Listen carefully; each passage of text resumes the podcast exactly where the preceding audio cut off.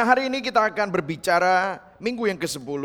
Judul khotbah saya hari ini adalah The Newness of Life in Christ. Saya menulis sebagai sinopsis adalah salah satu keberatan ajaran kebenaran Kristen adalah konsep anugerah atau kasih karunia. Ini nggak ada di tempat lain saudara ya, nggak ada di dalam agama mana pun. Di bagian awal surat Paulus kepada jemaat di Roma dijelaskan signifikansi dari kuasa kasih karunia. Bahkan di Roma 5 ayat 20 dinyatakan di mana dosa meningkat, kasih karunia Allah semakin berlimpah. Jadi pertanyaannya yang disampaikan kepada banyak orang, kepada kita orang Kristen yang hidup dalam konsep kasih karunia adalah apakah itu berarti kita dapat terus berbuat dosa? Nah, Paulus menantang gagasan ini dengan menggunakan gambar baptisan. Nanti kita akan lihat apa artinya dan apa arti kebenaran Injil ini bagi kita. Tadi katekismus yang disampaikan oleh Willy juga berbicara bagaimana Tuhan mengampuni dosa kita. Tetapi apakah karena kita diampuni dosanya, kita bisa berbuat seenaknya dan kemudian kita kembali minta ampun di hari yang baru dengan harapan hidup kita baik-baik saja.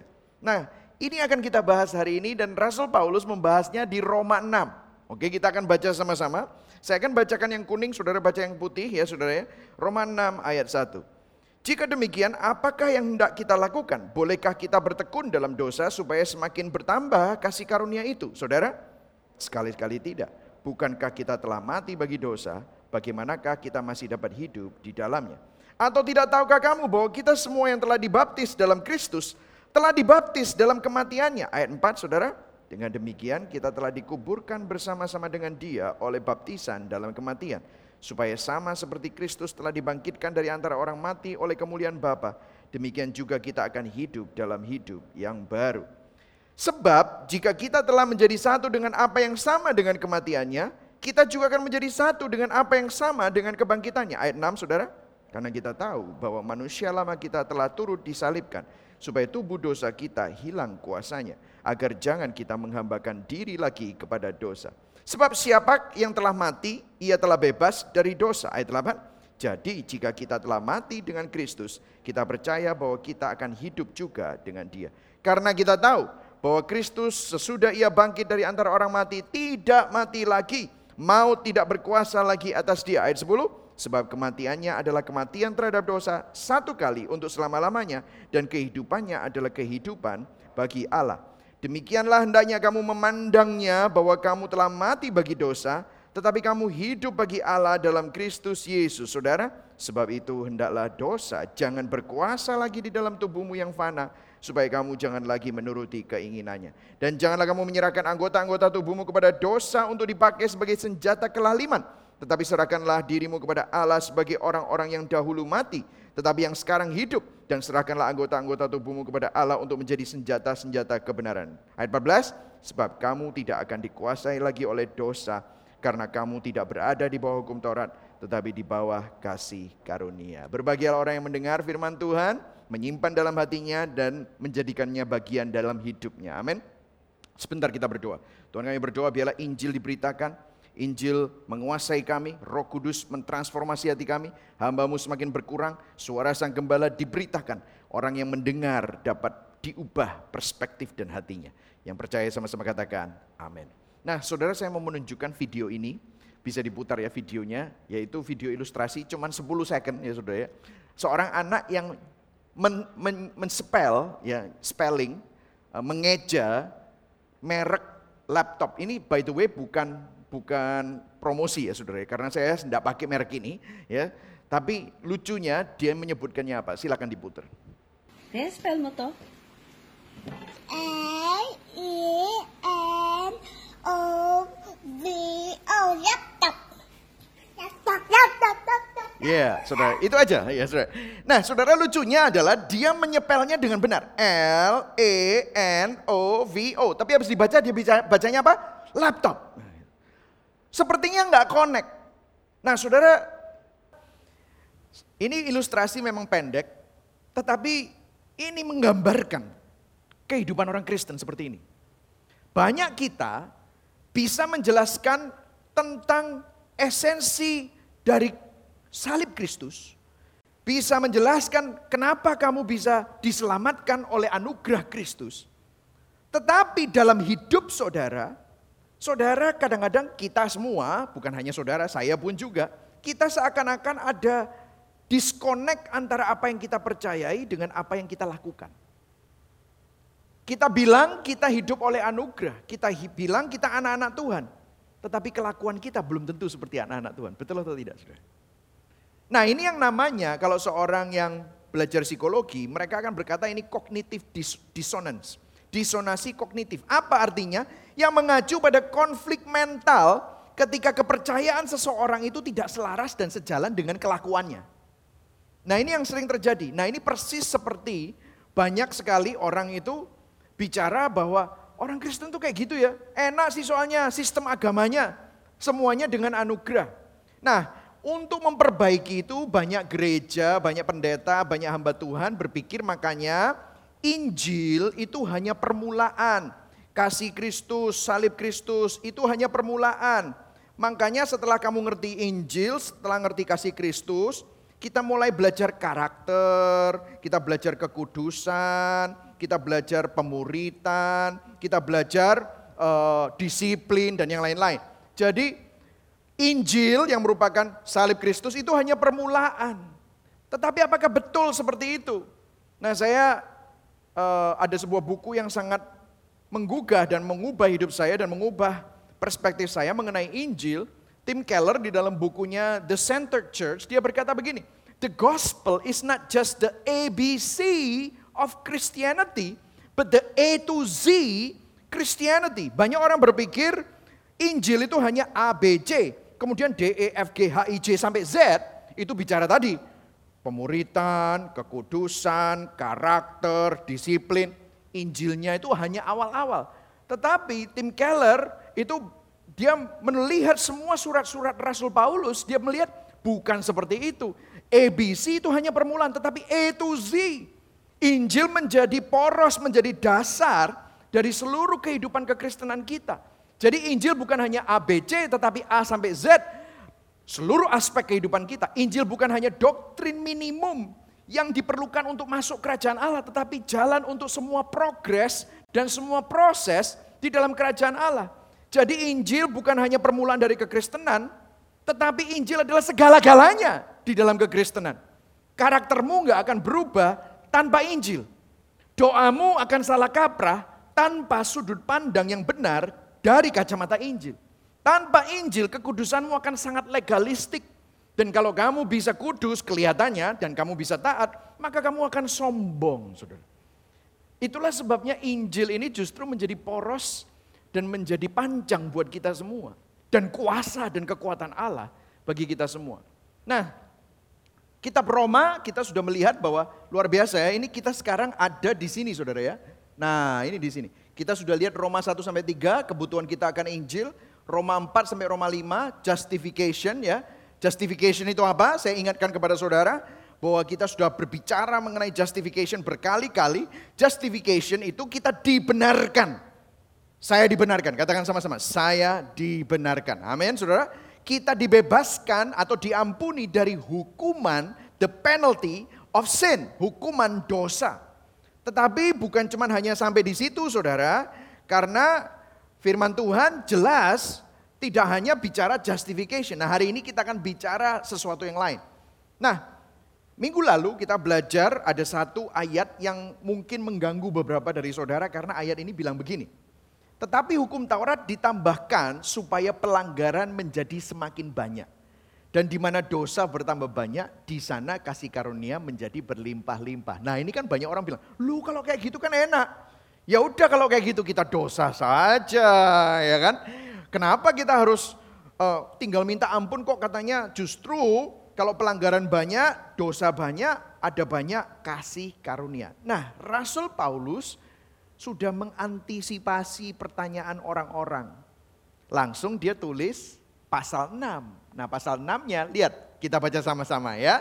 Satu, dua, tiga.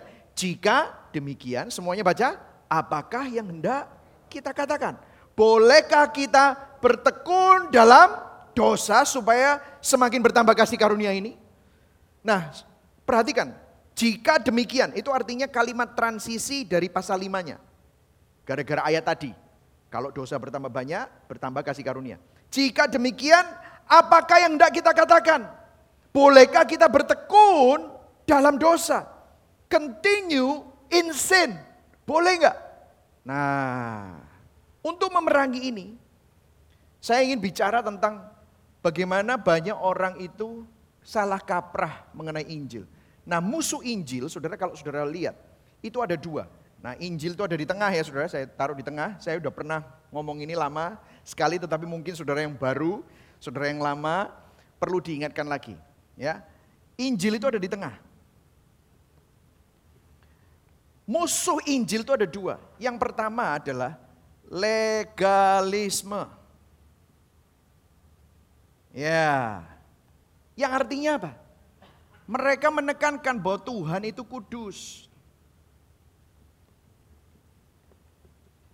Benar nggak? Tuhan kudus ya, betul ya saudara? Tapi ini cuma hanya separuh benar. Nah apa yang terjadi dengan legalisme? Mereka takut akan message bahwa kalau anugerah itu melimpah, lah kan enak. Orang kan nanti bisa seenaknya berdosa. Nanti kan orang itu jadi liar. Nanti orang itu bisa menyalahgunakan anugerah. Mereka bisa membuat anugerah itu begitu murah. Jadi apa yang mereka lakukan? Waktu mereka cerita tentang anugerah, oke ya sekarang sudah ngerti anugerah ya. Oke sekarang minggir. Oke kita harus hidup kudus. Loh tidak salah. Tetapi apa yang terjadi? Mereka berusaha untuk supaya orang-orang yang masih hidup di dalam dosa, orang-orang tersebut berubah berubah tidak lagi dalam hidup dalam dosa, tetapi mereka tidak ngomong Injil, tetapi mereka pakai apa? Peraturan. Dan mereka menambahkan apa? Iming-iming. Iming-iming upah. Supaya ada perubahan dalam hidup seseorang supaya mereka tidak hidup dalam dosa.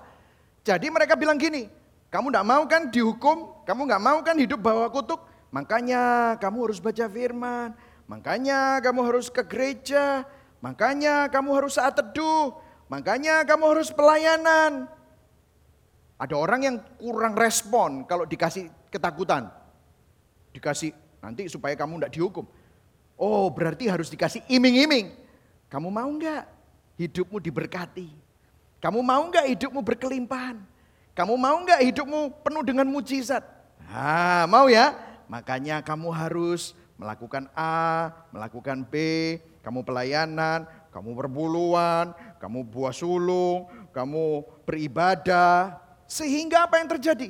Orang itu sebenarnya tidak cinta Tuhan, tetapi dia menggunakan Tuhan dengan melakukan peraturan dan ingin iming-imingnya. Halo? Nah, saudara. Nah, ini yang menjadi musuh Injil. Ini bukan Injil.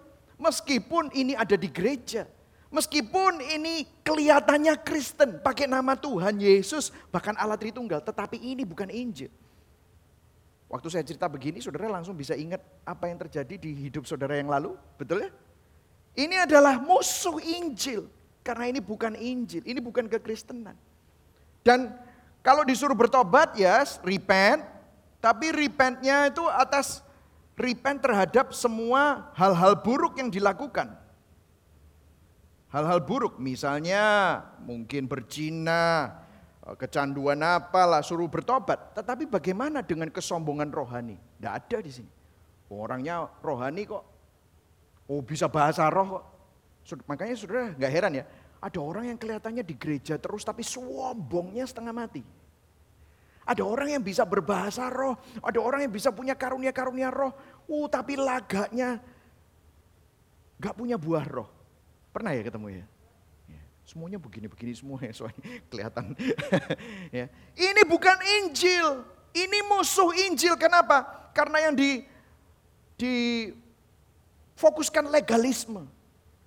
Nah, kalau saudara hidup di sini, saudara lihat, percuma ya, mana buktinya aku ngelakuin ini, ngelakuin ini, ngelakuin ini.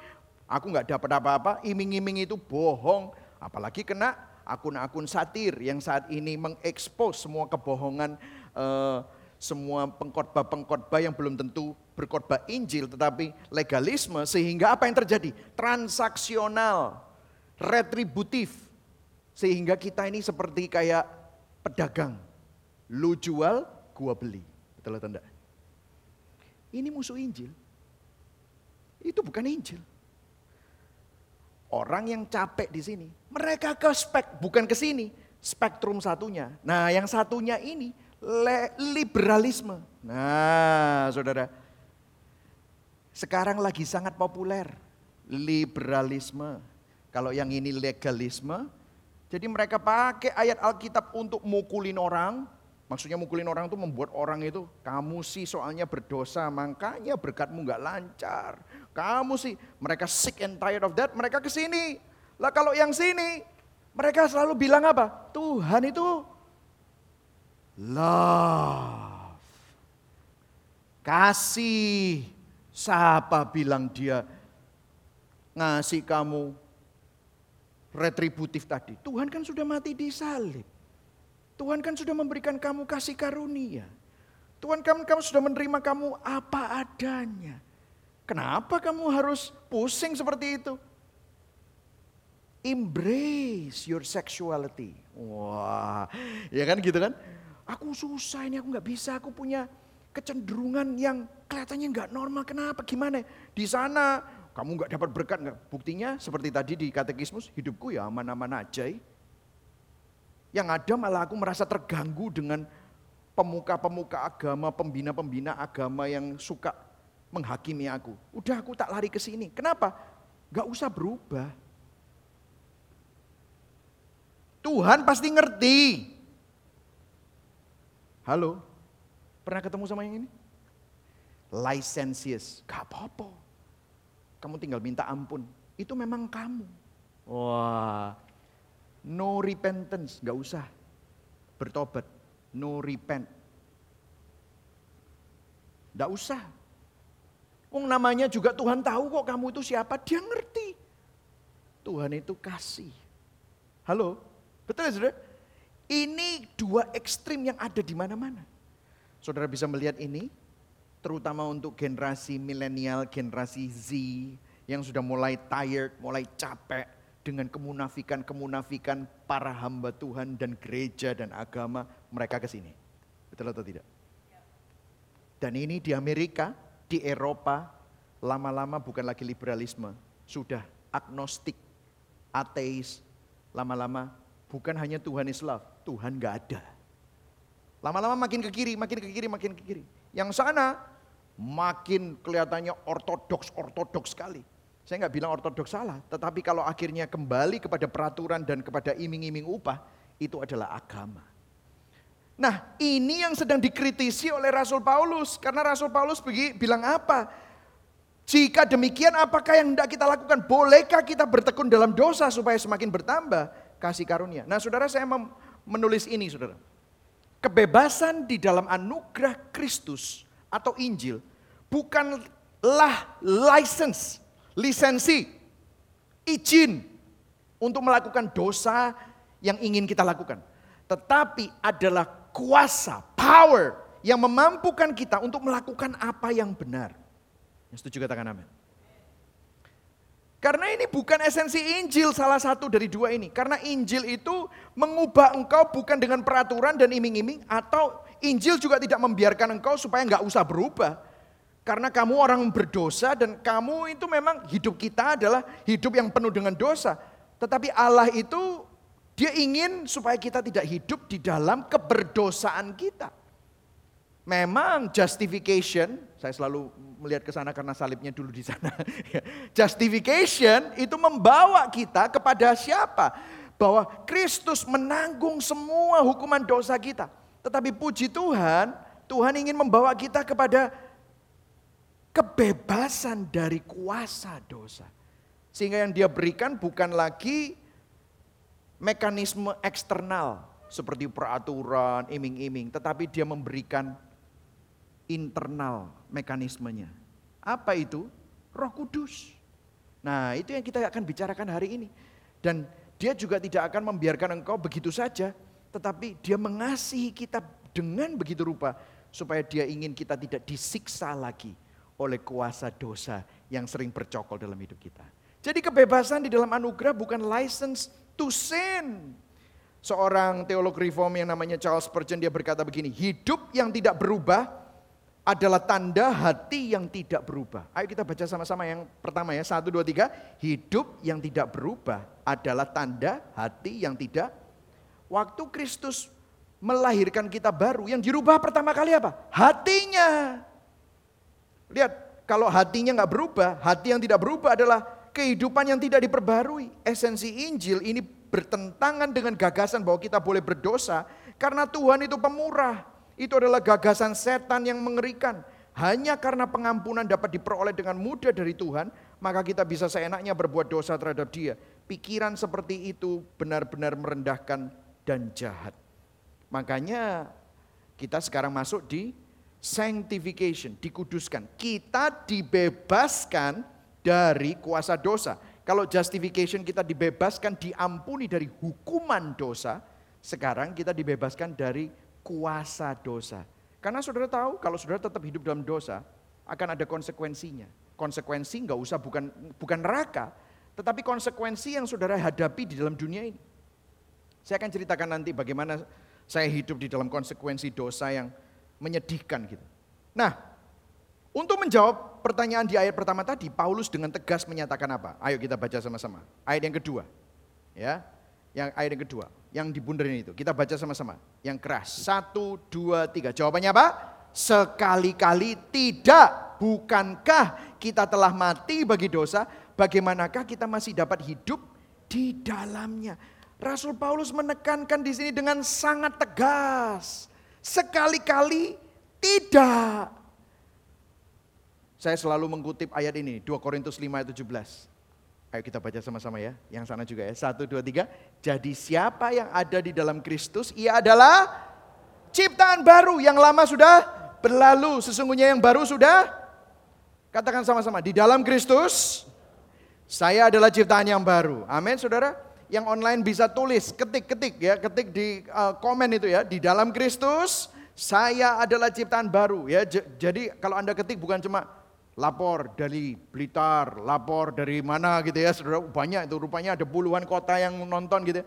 Tulis di sana, siapa yang ada di dalam Kristus, dia adalah ciptaan yang baru. Nah, saudara dan saya adalah ciptaan yang baru, bukan improvisasi, bukan modifikasi, tetapi baru. Hati kita ini baru. Hati kita yang suka dosa, sekarang sudah tidak nyaman lagi dengan dosa masih ingat minggu lalu saya belajar, uh, ngasih ngasih saudara sebuah ilustrasi bagaimana kalau bebek dikasih uh, dilempar ke air, apa yang dia lakukan? Berenang. Tetapi kalau ayam dilempar ke air, ayam itu akan wah bingung. Kenapa? Karena itu bukan habitatnya. Sekarang habitat saudara bukan dosa. Hati saudara sekarang adalah di dalam Kristus. Adalah ciptaan yang baru. Ada sesuatu yang berbeda. Itulah sebabnya judul khotbah ini The Newness of Life in Christ. Ada kehidupan yang diperbaharui di dalam Kristus. Nah saudara, dari ayat-ayat yang akan kita baca ada tiga hal yang perlu kita ketahui. Ini bukan langkah tetapi kebenaran yang memerdekakan. Yang pertama adalah ketahui, know. Katakan sama-sama ketahui. Ketahui. Yang kedua percaya. Yang ketiga pandang, memandang, consider. Know, believe, and consider. Oke? Okay? Nah, kita lihat ayat yang ketiga. Atau tidak tahukah kamu? See, no, nggak tahu dah kamu bahwa kita semua telah dibaptis di dalam Kristus. Semua yang telah dibaptis di dalam Kristus telah dibaptis dalam kematiannya. Ketahuilah. Nah, Saudara, ini adalah kebenaran yang pertama yang perlu kita ketahui. Ketahuilah Anda yang lahir baru dan percaya sudah berada di dalam Kristus. Yang setuju katakan amin. Ya. Bukan berusaha kembali masuk Kristus, bukan. Bukan berusaha mempertahankan supaya Kristus nggak pergi, bukan. Karena sekali saudara dilahirkan baru, saudara tidak bisa kembali ke lama, nggak bisa. Baru ya baru, that's it. Masuk di dalam Kristus, Kristus ada di dalam Anda, Anda tidak bisa keluar dan masuk, enggak. Itu perjanjian lama. Perjanjian lama itu visitasi, di mana roh kudus bisa hinggap, terus terbang lagi, hingga terbang lagi. Di dalam perjanjian baru ada yang namanya Pentakosta. Sehingga apa yang terjadi? Roh Kudus tinggal. Tidak tahukah kamu bahwa tubuhmu adalah bait roh kudus. Nah ada yang ngajar gini, makanya kalau bait roh kudus harus sering-sering dibersihkan. Kalau enggak nanti roh kudusnya keluar. Siapa bilang? Karena saudara dilahirkan kembali oleh roh kudus. Kalau anak sudah lahir bisa nggak masuk lagi? Shred. Nggak bisa saudara. Karena saudara sekali dilahirkan, sekali untuk selamanya. Yang setuju katakan amin.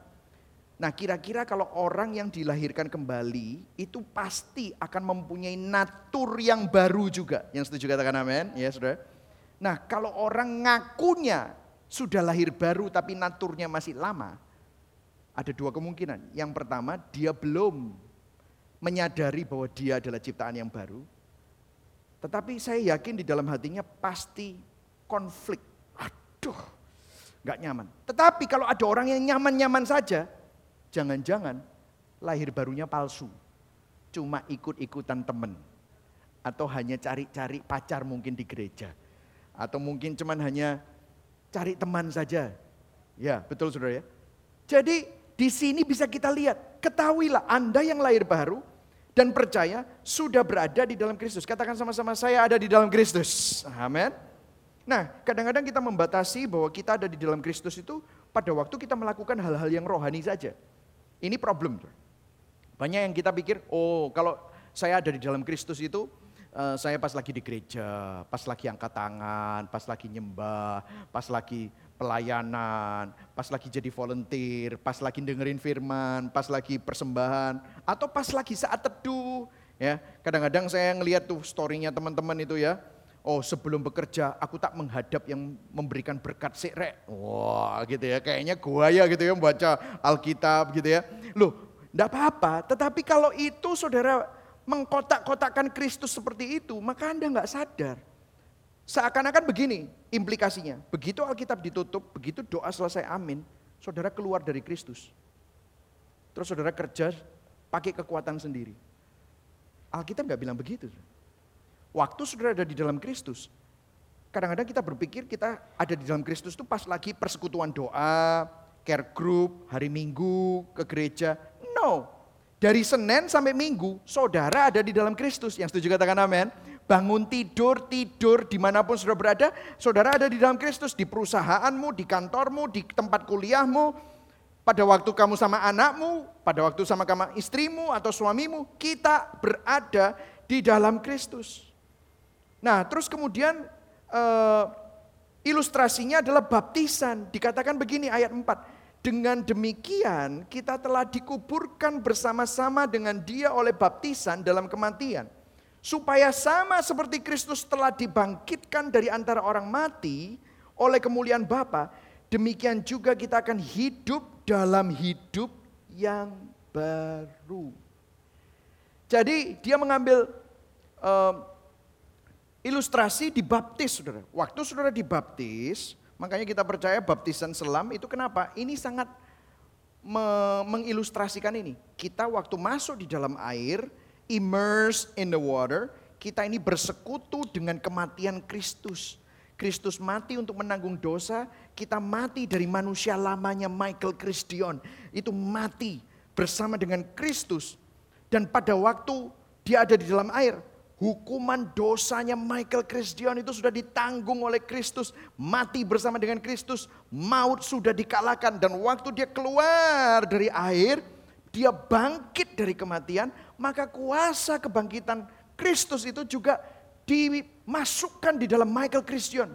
Supaya hidup Michael Christian bukan lagi Michael Christian lagi. Tetapi Kristus yang ada di dalam saya. Yang setuju katakan amin. Itulah esensinya. Sehingga saudara dan saya hidup benar-benar di dalam Kristus. Orang ya yang menyedihkan adalah orang yang selalu kembali kepada dosa. Jadi mereka sudah lahir baru, tetapi nggak berubah. Itu firman Tuhan bilang apa? Seperti ini. Amsal 26 ayat 11. Seperti anjing kembali ke muntahnya, demikianlah orang bebal yang mengulangi kebodohannya. Saudara, Tuhan nggak kepingin kita ini hidup disiksa oleh dosa. Tuhan sudah membebaskan kita dari dosa, hukumannya sudah lepas, kamu sudah merdeka, jangan lagi hidup di dalam keterikatanmu di dalam dosa. Yang setuju katakan amin, ya saudara. Saudara tahu nggak sih, dosa itu sangat-sangat menyiksa. Saudara tahu nggak sih, dosa itu sangat mengerikan. Saudara saya ya cerita ya saudara. Saya ini orangnya ya ganas, violent, berangasan. Saudara, saudara bisa tanya sama istri saya, waktu saya masih muda itu ya, waktu ya sekarang juga masih muda sih ya gitu saudara ya.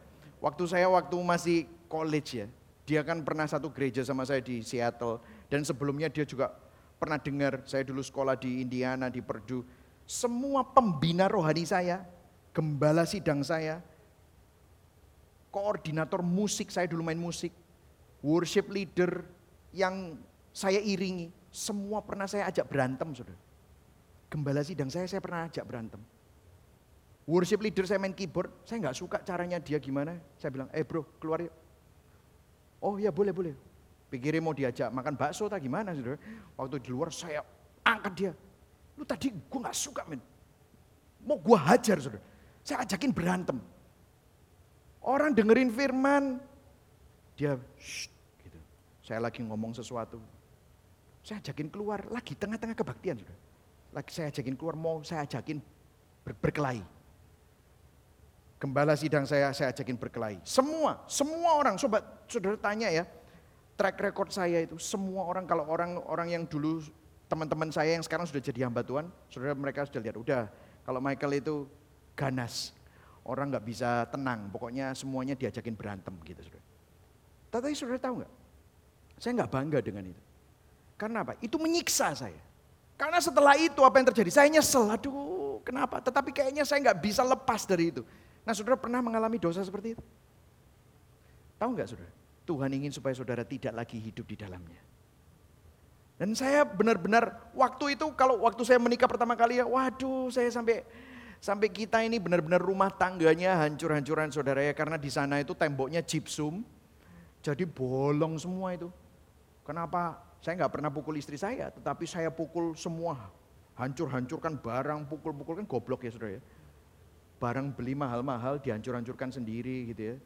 Sampai saya akhirnya depresi. Saya sampai akhirnya itu benar-benar merasa, aduh kok bisa ya aku ini hidup seperti ini. Saudara, ini seperti anjing kembali kepada muntahnya.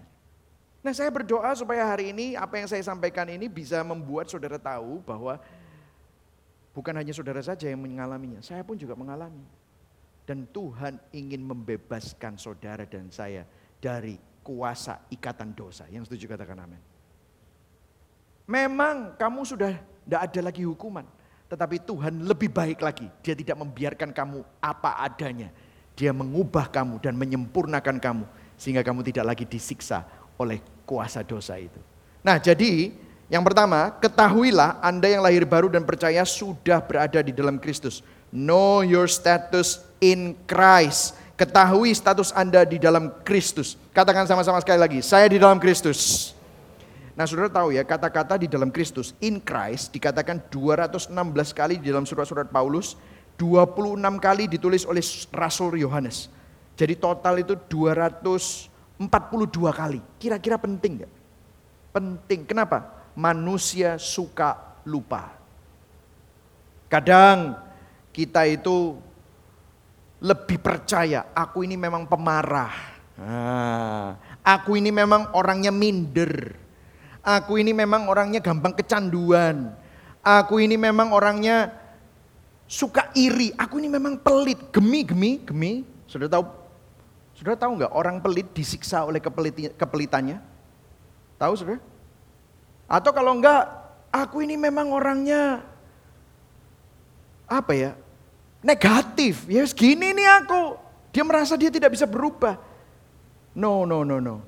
Kalau saudara ada di dalam Kristus, yang ada di dalam saudara itu kasih, sukacita, kelemah lembutan, kesabaran, kebajikan, kemurahan, damai sejahtera, penguasaan diri.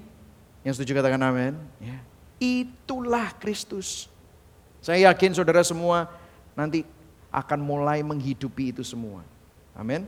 Nah, lihat selanjutnya ayat ayat 5. Sebab jika kita telah menjadi satu dengan apa yang sama dengan kematiannya, kita juga akan menjadi satu dengan apa yang sama dengan kebangkitannya.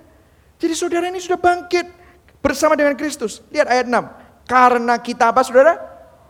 Tahu. Jadi tahu bahwa manusia lama kita telah turut disalibkan supaya tubuh dosa kita hilang kuasanya agar jangan kita menghambakan diri lagi kepada dosa, hilang kuasanya. Bahasa Yunaninya adalah katargeo. Katargeo itu artinya apa? Tidak berpengaruh lagi kuasa dosa itu. Menyingkirkan dengan tujuan untuk dilenyapkan untuk membuat menganggur dan tidak aktif. Katargeo itu mematahkan sesuatu yang ada kuasanya. Seakan-akan begini ya saudara ya. Seperti kalau saudara punya lampu terus colokannya itu nempel di listrik, lampunya itu ada listriknya dan bisa menyala. Katargeo itu artinya apa? Waktu saudara ada di dalam Kristus, kuasa dosa yang selama ini begitu bercokol, membuat kamu jadi pemarah, membuat kamu jadi minder, membuat kamu jadi pelit, membuat kamu jadi orang yang suka negatif, orang yang suka berpikiran negatif dan uh, selalu selalu berpikir jelek, itu dicopot sehingga kamu tidak lagi hidup di dalam kuasa dosa yang lama itu loh. Tuhan ingin kamu berubah karena Tuhan ingin supaya kamu itu hidup dalam kuasa kebangkitannya. Dan ayat tujuhnya dikatakan, ayo kita baca sama-sama. Satu, dua, tiga. Sebab siapa yang telah mati, ia telah apa? Bebas dari dosa. Berikan tepuk tangan buat Tuhan. Wow! Saudara ini sudah bebas. Artinya saudara tidak harus berkata ya terhadap dosa lagi. You can say no. You don't have to live like that. Saudara tidak harus memilih untuk berdosa karena Anda ada di dalam Kristus. Saudara tidak lagi harus disiksa oleh dosa-dosamu. Saudara, saya saya masih ingat ya, bagaimana saya tiap kali habis berdosa seperti itu, habis marah, nyesel, nyesel. Saya nggak ngerti gimana saya lepas dari itu semua. Sampai akhirnya saya mulai mengerti tentang Injil. Saya mulai mengerti, dulu saya hidup di dalam legalisme ini. Dan setiap kali saya berpikir bahwa saya mengikuti peraturan atau melakukan sesuatu untuk mendapatkan upah dan saya mendapatkannya apa yang terjadi? Saya semakin sombong. Jadi legalisme itu tidak membantu Anda untuk berubah. Malah Anda ini makin menjadi-jadi. Jadi sombong rohani saudara. Lah kalau sombong kan egonya makin besar. Lah guess what? Kenapa saya marah? Karena ego saya kena. Loh ini orang kok semakin rohani kelihatannya dari luar kok tapi semakin ganas ya orang. Saudara pernah ketemu sama orang yang rohani tapi semakin kayaknya ganas, kayaknya menghakimi sekali, merendahkan orang. Kok nggak kayak Yesus sama sekali? Yesus lu kumpulnya sama siapa? Yesus bisa mengasihi orang yang perempuan Samaria, pemungut cukai, wanita yang ketahuan berzina. Yesus bisa baik sama orang-orang seperti itu. Kita itu justru semakin rohani bukan malah mengasihi dan punya empati terhadap orang berdosa malah merendahkan. Itu saya. Dan waktu itu saya nggak bisa cerita banyak tetapi bagaimana saudara mungkin sudah pernah dengar di yang lalu-lalu Tuhan taruh saya di dalam situasi di mana ego saya habis. Apa yang saya banggakan habis seakan-akan Tuhan memojokkan saya. Sampai saya mau marah sama siapa? Karena saya tahu bahwa ini semua kesalahan saya sendiri. Dan semakin saya sadar saya memang orang brengsek ya. Ada beberapa kali saya itu kepingin bunuh diri aja. Waktu kita berantem, saya pergi naik mobil, saya kepingin udahlah ini mobilnya tak lemparin ke jurang aja. Atau kalau enggak saya tabrakkan mobil ini ke tembok biar mati selesai. Dah, saya enggak nyusahin siapa-siapa. Mungkin saudara pernah seperti itu. Saudara saking frustrasinya. Saudara ngerti Kristus, tapi seakan-akan gak bisa bebas dari dosa. Saya ngerti loh teori tentang salib, tapi salib itu hanya memori di masa lalu. Sudah usang, dan pada saat itu saya sangat frustrasi. Sampai akhirnya saya mulai mengerti tentang Injil. Saya mulai mengerti kasih karunia. Saya mulai mengerti kuasa. Kenapa Kristus mati untuk dosa-dosa saya dan kuasa kebangkitannya ada. As if Tuhan tuh kayak mau ngomong sama saya, aku mati buat kamu ini justru bukan supaya kamu nanti jadi sukses, kamu jadi kaya, justru untuk hal-hal seperti ini. Weh, kamu gak bisa bebas. Kamu pikir kamu melakukan sesuatu yang baik. Kamu pikir kamu membela keluargamu, harga dirimu dan yang lain-lain. kamu sebenarnya menghancurkan dirimu sendiri. Waduh, saya breakdown. Saya nggak ngerti Injil dulu. Sampai saya mulai mengerti Injil. Saya mulai mengerti bahwa saya tidak harus melakukan apa pun untuk mendapatkan sesuatu dari Tuhan. Tuhan tahu saya tidak mampu, justru Dia yang datang. Justru Dia yang menemukan saya. Justru dengan kebrengsekan, kebobrokan saya, kekejian saya, Dia ambil saya. Dia pulihkan saya. Pada waktu itu saya mulai mengerti, oh kuasa yang ada di dalam saya itu kuasa Kristus.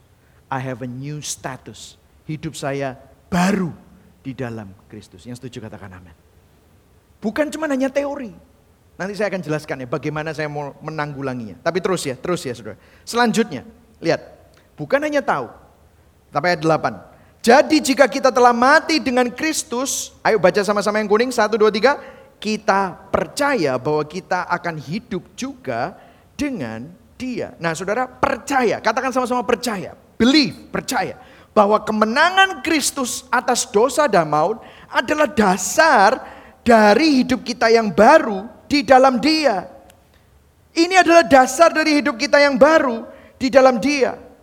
Jadi kalau saudara baca selanjutnya ayat 9. Karena kita tahu bahwa Kristus sesudah ia bangkit dari antara orang mati. Tidak mati lagi. Mau tidak berkuasa lagi atas dia. Ayat 10. Sebab kematiannya adalah kematian terhadap dosa. Satu kali untuk selama-lamanya. Dan kehidupannya adalah kehidupan bagi Allah. Nah saudara saya akan jelaskan ya saudara. Bear with me. Oke okay? bear with me. Beberapa minggu kita sudah bicara bahwa kita dibenarkan di dalam Kristus. Kita luput dari hukuman dosa. Jadi apa yang Kristus lakukan itu memberikan kita tiga hal di dalam Kristus, keselamatan di dalam Kristus itu bukan hanya diampuni dari hukuman dosa, justification saja. Tetapi dia juga ingin melepaskan kamu dari kuasa dosa yang menyiksa kamu, menyiksa saudara dan saya, supaya saudara tidak lagi hidup di dalam legalisme, tetapi saudara juga tidak hidup di dalam liberalisme, ngawur hidupnya. Bukan.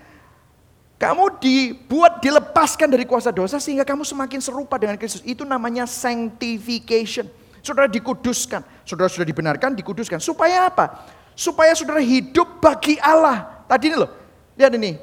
Kehidupannya, mana ini? Ah, kehidupannya adalah kehidupan bagi Allah. Kita hidup bukan bagi dunia, bukan bagi dosa, bukan bagi diri kita sendiri, tapi hidup bagi Allah.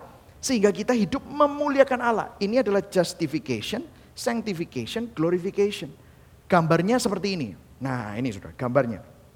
Melalui salib Kristus, kamu tidak lagi di bawah kutuk dosa. Dosa sudah ditanggung. Maut sudah ditanggung. Neraka sudah ditanggung. Amin. Puji Tuhan.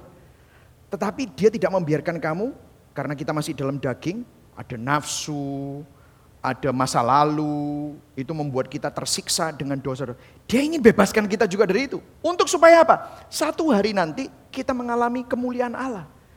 Nah, dari sudut pandang kita ini kelihatannya bertahap ya. Justification, sanctification, glory. Tapi dari sudut pandangnya Tuhan, yang ada di luar ruang dan waktu, waktu Tuhan kasih ini kepada saudara, dia kasihnya satu paket, saudara. Nangkep saudara ya? Satu paket. Kenapa? Karena dia lihat saudara semua.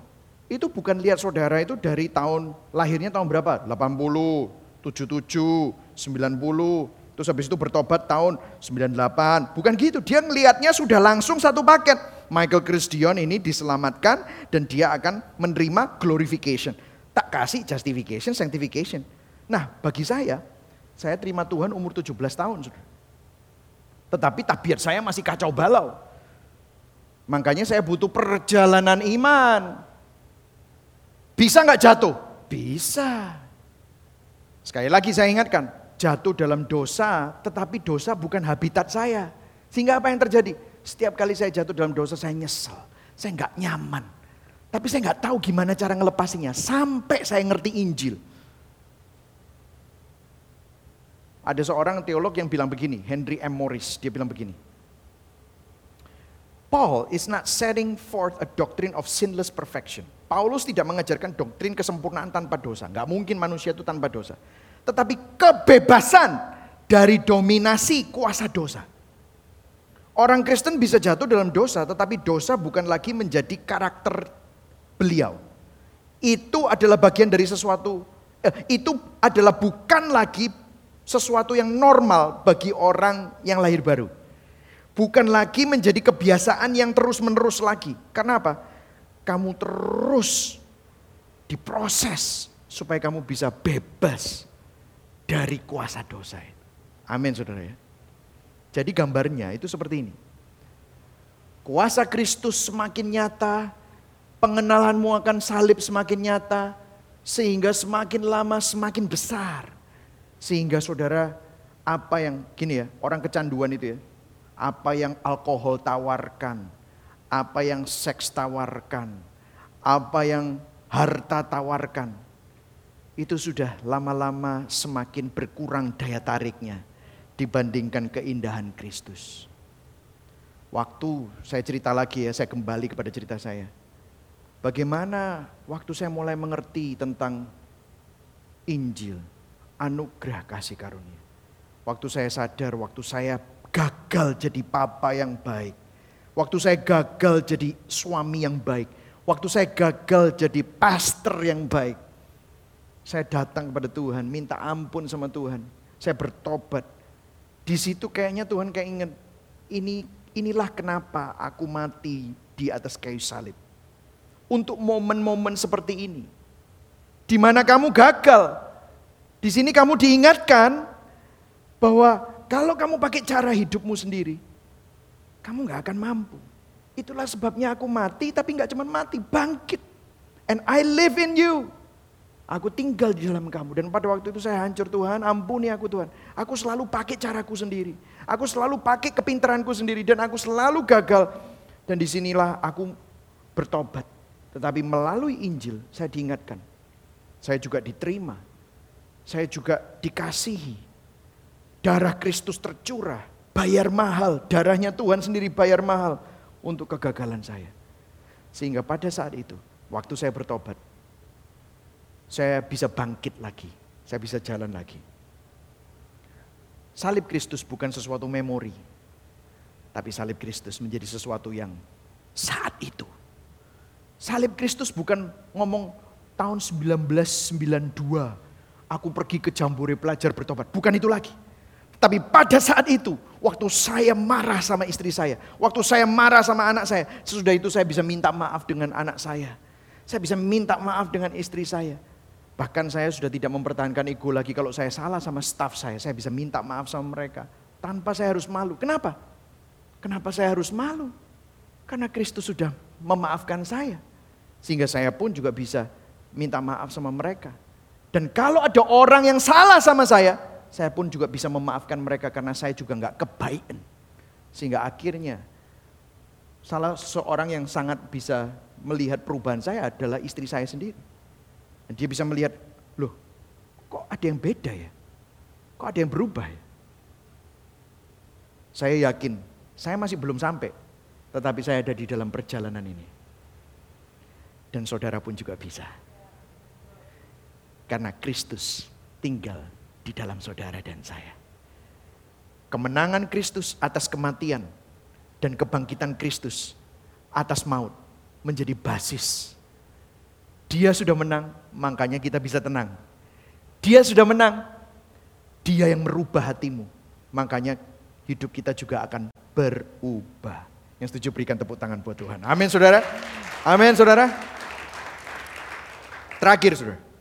Demikianlah hendaknya kamu memandangnya. Bahasa Inggrisnya consider. Bahwa kamu telah mati bagi dosa. Tetapi kamu hidup bagi Allah dalam Yesus Kristus. Consider di sini bahasa Yunaninya adalah logizomai. Artinya menghargakan, menganggap, memandang. Artinya begini saudara. Saudara menganggap semua hidupmu yang dosa-dosa itu tadi. Itu bukan kamu. Kamu menganggap itu kamu sudah mati dengan itu. Dan sekarang kamu memandang hidupmu ini bersama dengan Kristus dan bangkit bersama dengan Kristus. Demikian hendaknya kamu memandangnya bahwa kamu telah mati bagi dosa. Tapi kamu hidup bagi Allah dalam Kristus Yesus. Sebab itu ayat 12. Kita baca sama-sama ayat 12 ya. Satu, dua, tiga. Sebab itu hendaklah dosa jangan berkuasa lagi dalam tubuhmu yang fana. Supaya kamu jangan lagi menuruti keinginannya. Nah ini poin saya yang terakhir. Kita bebas dari dosa dengan memandang diri kita sudah mati dari dosa dan hidup bagi Tuhan. Hidupmu itu lo milik Tuhan. Hidupmu bukan lagi diperhamba oleh kenegatifan. Oleh personality test. Saudara, saya mau mengkritisi sedikit personality test. Bukan saya anti, tetapi personality test itu bisa membuat kita sembunyi di balik natur dosa kita. Ada yang bilang, aku ini memang uh, introvert, gak seneng orang memang. Memang aku lebih cocok tuh sendiri. Wah gitu kan saudara ya. Tetapi saudara tahu kalau waktu saudara sendiri, saudara itu sebenarnya stres, depresi, benar-benar saudara itu merasa lonely gitu ya tapi karena sudah ambil personality test, wah aku memang orangnya introvert. Sehingga apa? Kecenderungan dosamu semakin berlarut-larut. Atau kalau enggak saudara, aku ini memang orangnya sanguin. Orangnya itu memang harus butuh manusia yang lain. Sehingga saudara mencari penerimaan demi penerimaan, saudara cari penerimaan dan saudara tidak pernah dapatkan itu semua. Dari manusia, kenapa? Karena manusia berdosa yang lainnya selalu mengecewakan kamu, betul atau tidak? Hari ini bisa menerima kamu, tetapi kemudian hari lain dia bisa menjelekkan kamu, kamu hancur lagi. Sehingga apa yang terjadi? Kita hidup berputar-putar, hidupnya dikuasai dan disiksa oleh dosamu. Firman Tuhan bilang, "Hey, you don't have to live like that." Yesus datang untuk menerima kamu. Tuhan yang menciptakan langit dan bumi tahu kamu seharusnya ditolak kamu seharusnya dihukum. Kamu seharusnya nggak layak untuk menerima surga. Diterima oleh Tuhan. Gak bisa. Tapi Tuhan terima kamu. Bukankah itu penerimaan yang tertinggi? Dibandingkan penerimaan-penerimaan receh hanya untuk dapat like, untuk dapat follower, untuk dapat pujian dari manusia. We spend money we don't have to impress people we don't like. Kita hamburkan uang yang kita tidak punya hutangan untuk membuat orang lain bisa menerima kita. Goblok banget kan? Penyiksaan itu. Itulah dosa.